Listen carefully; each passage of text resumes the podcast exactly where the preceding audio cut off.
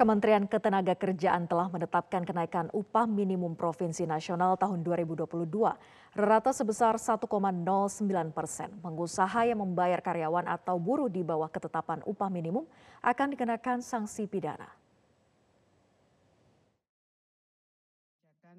Pemerintah melalui Kementerian Ketenagakerjaan menetapkan kenaikan upah minimum provinsi nasional tahun 2022 rata sebesar 1,09 persen.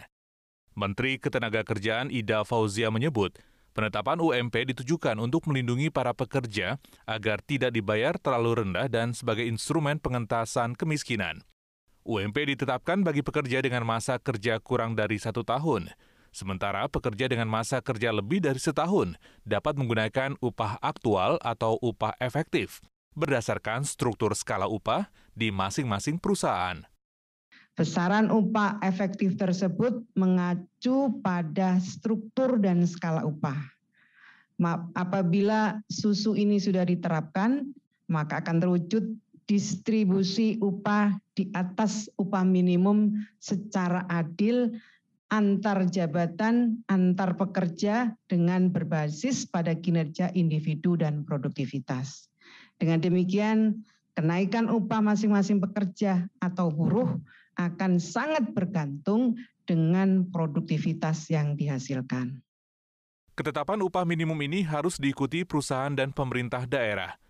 Pengusaha yang membayar karyawan atau buruh di bawah ketetapan upah minimum akan dikenakan sanksi pidana Sanksi juga diberikan kepada pemerintah daerah yang tidak mengikuti ketentuan pengupahan, berupa sanksi administratif hingga pemberhentian sesuai Undang-Undang Nomor 23 Tahun 2014 tentang Pemerintahan Daerah. Gubernur harus menetapkan UMP paling lambat 21 November 2021 dan untuk kabupaten kota ditetapkan paling lambat 30 November 2021. Gubernur harus menetapkan UMP paling lambat tanggal 21 November tahun 2021 dan karena tanggal 21 November merupakan hari libur nasional, maka penetapannya dilakukan paling lambat satu hari sebelumnya yaitu tanggal 20 November. Selain itu, dalam hal gubernur menetapkan upah minimum kabupaten, maka harus dilakukan paling lambat tanggal 30 November tahun 2021 dan dilakukan setelah tentu saja setelah penetapan upah minimum provinsi.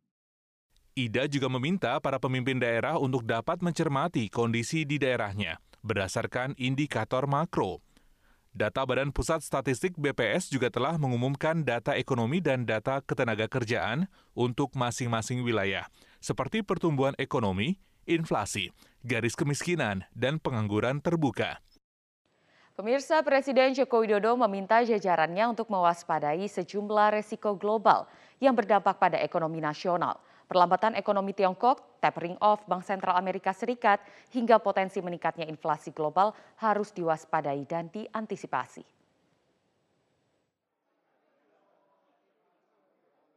Presiden Joko Widodo meminta jajarannya untuk mewaspadai sejumlah resiko global yang berdampak pada ekonomi nasional.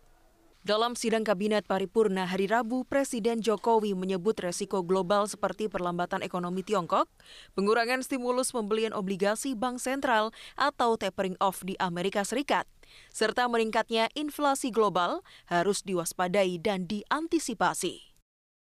Seperti perlambatan ekonomi di Tiongkok, betul-betul dilihat karena ekspor kita ke sana gede. Kemudian resiko tapering off dari Amerika betul-betul dilihat dampak dan apa yang harus kita siapkan, apa yang harus kita lakukan. Kemudian yang terakhir juga yang berkaitan dengan inflasi global. Dampaknya akan seperti apa semuanya dihitung, semuanya harus kita kalkulasi, di mana yang harus kita antisipasi. Selain itu, Presiden juga mengingatkan untuk mewaspadai fenomena siklus komoditas, komoditi super cycle, di mana harga komoditas unggulan ekspor Indonesia melonjak tinggi. Waspadai juga terjadinya fenomena siklus komoditi super cycle. Karena kita tahu saat ini komoditas unggulan ekspor Indonesia melonjak tinggi. Ini umumnya berlangsung biasanya hanya berlangsung 18 bulan.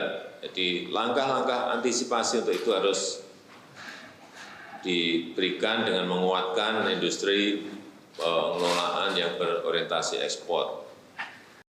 Potensi berlanjutnya pandemi COVID-19 juga harus diwaspadai pada tahun 2022. Pandemi COVID-19 yang belum juga berakhir dapat berdampak pada perlambatan ekonomi global. Karena itu APBN tahun 2022 menurut Jokowi harus menjadi instrumen utama dalam mendorong pertumbuhan ekonomi, memperkuat daya tahan ekonomi, hingga mengakselerasi daya saing, terutama ekspor dan investasi. Presiden pun menekankan perlunya penajaman dan efisiensi belanja, menghilangkan belanja rutin yang tidak perlu dan menggesernya ke belanja produktif. Jokowi pun meminta jajarannya untuk dapat memastikan agar anggaran dapat dieksekusi pada awal Januari 2022 tingkat produsen saat ini telah terjadi di sejumlah negara. Menteri Keuangan Sri Mulyani Indrawati pun mewaspadai kenaikan harga di tingkat produsen ini karena dapat berdampak pada kenaikan harga di tingkat konsumen. Sejumlah negara, baik Amerika Serikat, Tiongkok, maupun negara-negara di Eropa, bahkan negara di emerging market seperti Meksiko dan Korea, saat ini telah terjadi kenaikan harga di tingkat produsen. Menteri Keuangan Sri Mulyani Indrawati usai rapat Kabinet Paripurna pada hari Rabu mengatakan kenaikan harga di tingkat produsen ini dapat berdampak pada inflasi di tingkat konsumen. Di Indonesia sendiri, menurut Sri Mulyani, harga di tingkat produsen telah meningkat 7,3 persen. Eh, harga produser ini kemudian bisa menyebabkan kenaikan pada harga di tingkat konsumen atau yang kemudian diukur menjadi inflasi. Inilah yang kemudian kita akan waspadai. Uh, untuk Indonesia sendiri kita lihat harga di tingkat produser uh, juga mengalami kenaikan 7,3 persen. Kalau di Eropa kenaikannya bahkan mencapai 16,3 persen, Cina 13,5 persen, dan di Amerika Serikat 8,6 persen, Korea 7,5 persen. Nah, kenaikan harga produser ini harus kita waspadai agar tidak mendorong kenaikan inflasi pada tingkat konsumen. Kenaikan inflasi membuat Bank Sentral Amerika Serikat, The Federal Reserve, akan mengurangi stimulus atau tapering off dan diperkirakan akan mengerek suku bunga acuan Fed Fund Rate akibat lonjakan inflasi yang mencapai lebih dari 6 persen. Kebijakan The Fed ini dapat berdampak pada stabilitas sistem keuangan sehingga harus diwaspadai. Tapering off atau kebijakan Federal Reserve yang akan di-adjust atau disesuaikan dengan adanya kenaikan inflasi yang sangat tinggi, yaitu mencapai di atas 6 persen di Amerika Serikat. Ini dari sisi historis, eh, secara historis, biasanya kenaikan Federal Fund Rate ini bisa menimbulkan potensi guncangan dari sisi capital uh, flow ke emerging country dan juga kemudian menimbulkan uh, ekses dari sisi nilai tukar dan bahkan bisa saja di berbagai negara berkembang atau negara emerging uh, seperti yang kita lihat seperti di Argentina dan di Turki uh, terjadi kenaikan inflasi dan depresiasi dari uh, currency-nya yang sangat dalam ini bisa berpotensi menimbulkan uh, ancaman terhadap stabilitas sistem keuangan. Dengan pondasi ekonomi yang terus diperkuat hingga saat ini, Indonesia diharapkan dapat lebih siap dalam menghadapi dinamika dan tantangan risiko ekonomi global tersebut. Pada kuartal ketiga 2021, seluruh sisi permintaan, konsumsi, investasi, ekspor dan impor mengalami pembalikan dan pemulihan. Demikian pula dari sisi sektoral, baik sektor perdagangan, manufaktur konstruksi akomodasi pertanian, dan infokom mengalami pembalikan dan pemulihan. Komite Penanganan COVID-19 dan Pemulihan Ekonomi Nasional KPCPEN memutuskan untuk memberikan bantuan produktif kepada pelaku usaha pariwisata yang sangat terdampak pandemi COVID. Bantuan produktif akan dibayarkan secara tunai sebesar Rp600.000. Hal ini diungkap Menteri Keuangan Sri Mulyani Indrawati usai rapat Kabinet Paripurna hari Rabu kemarin.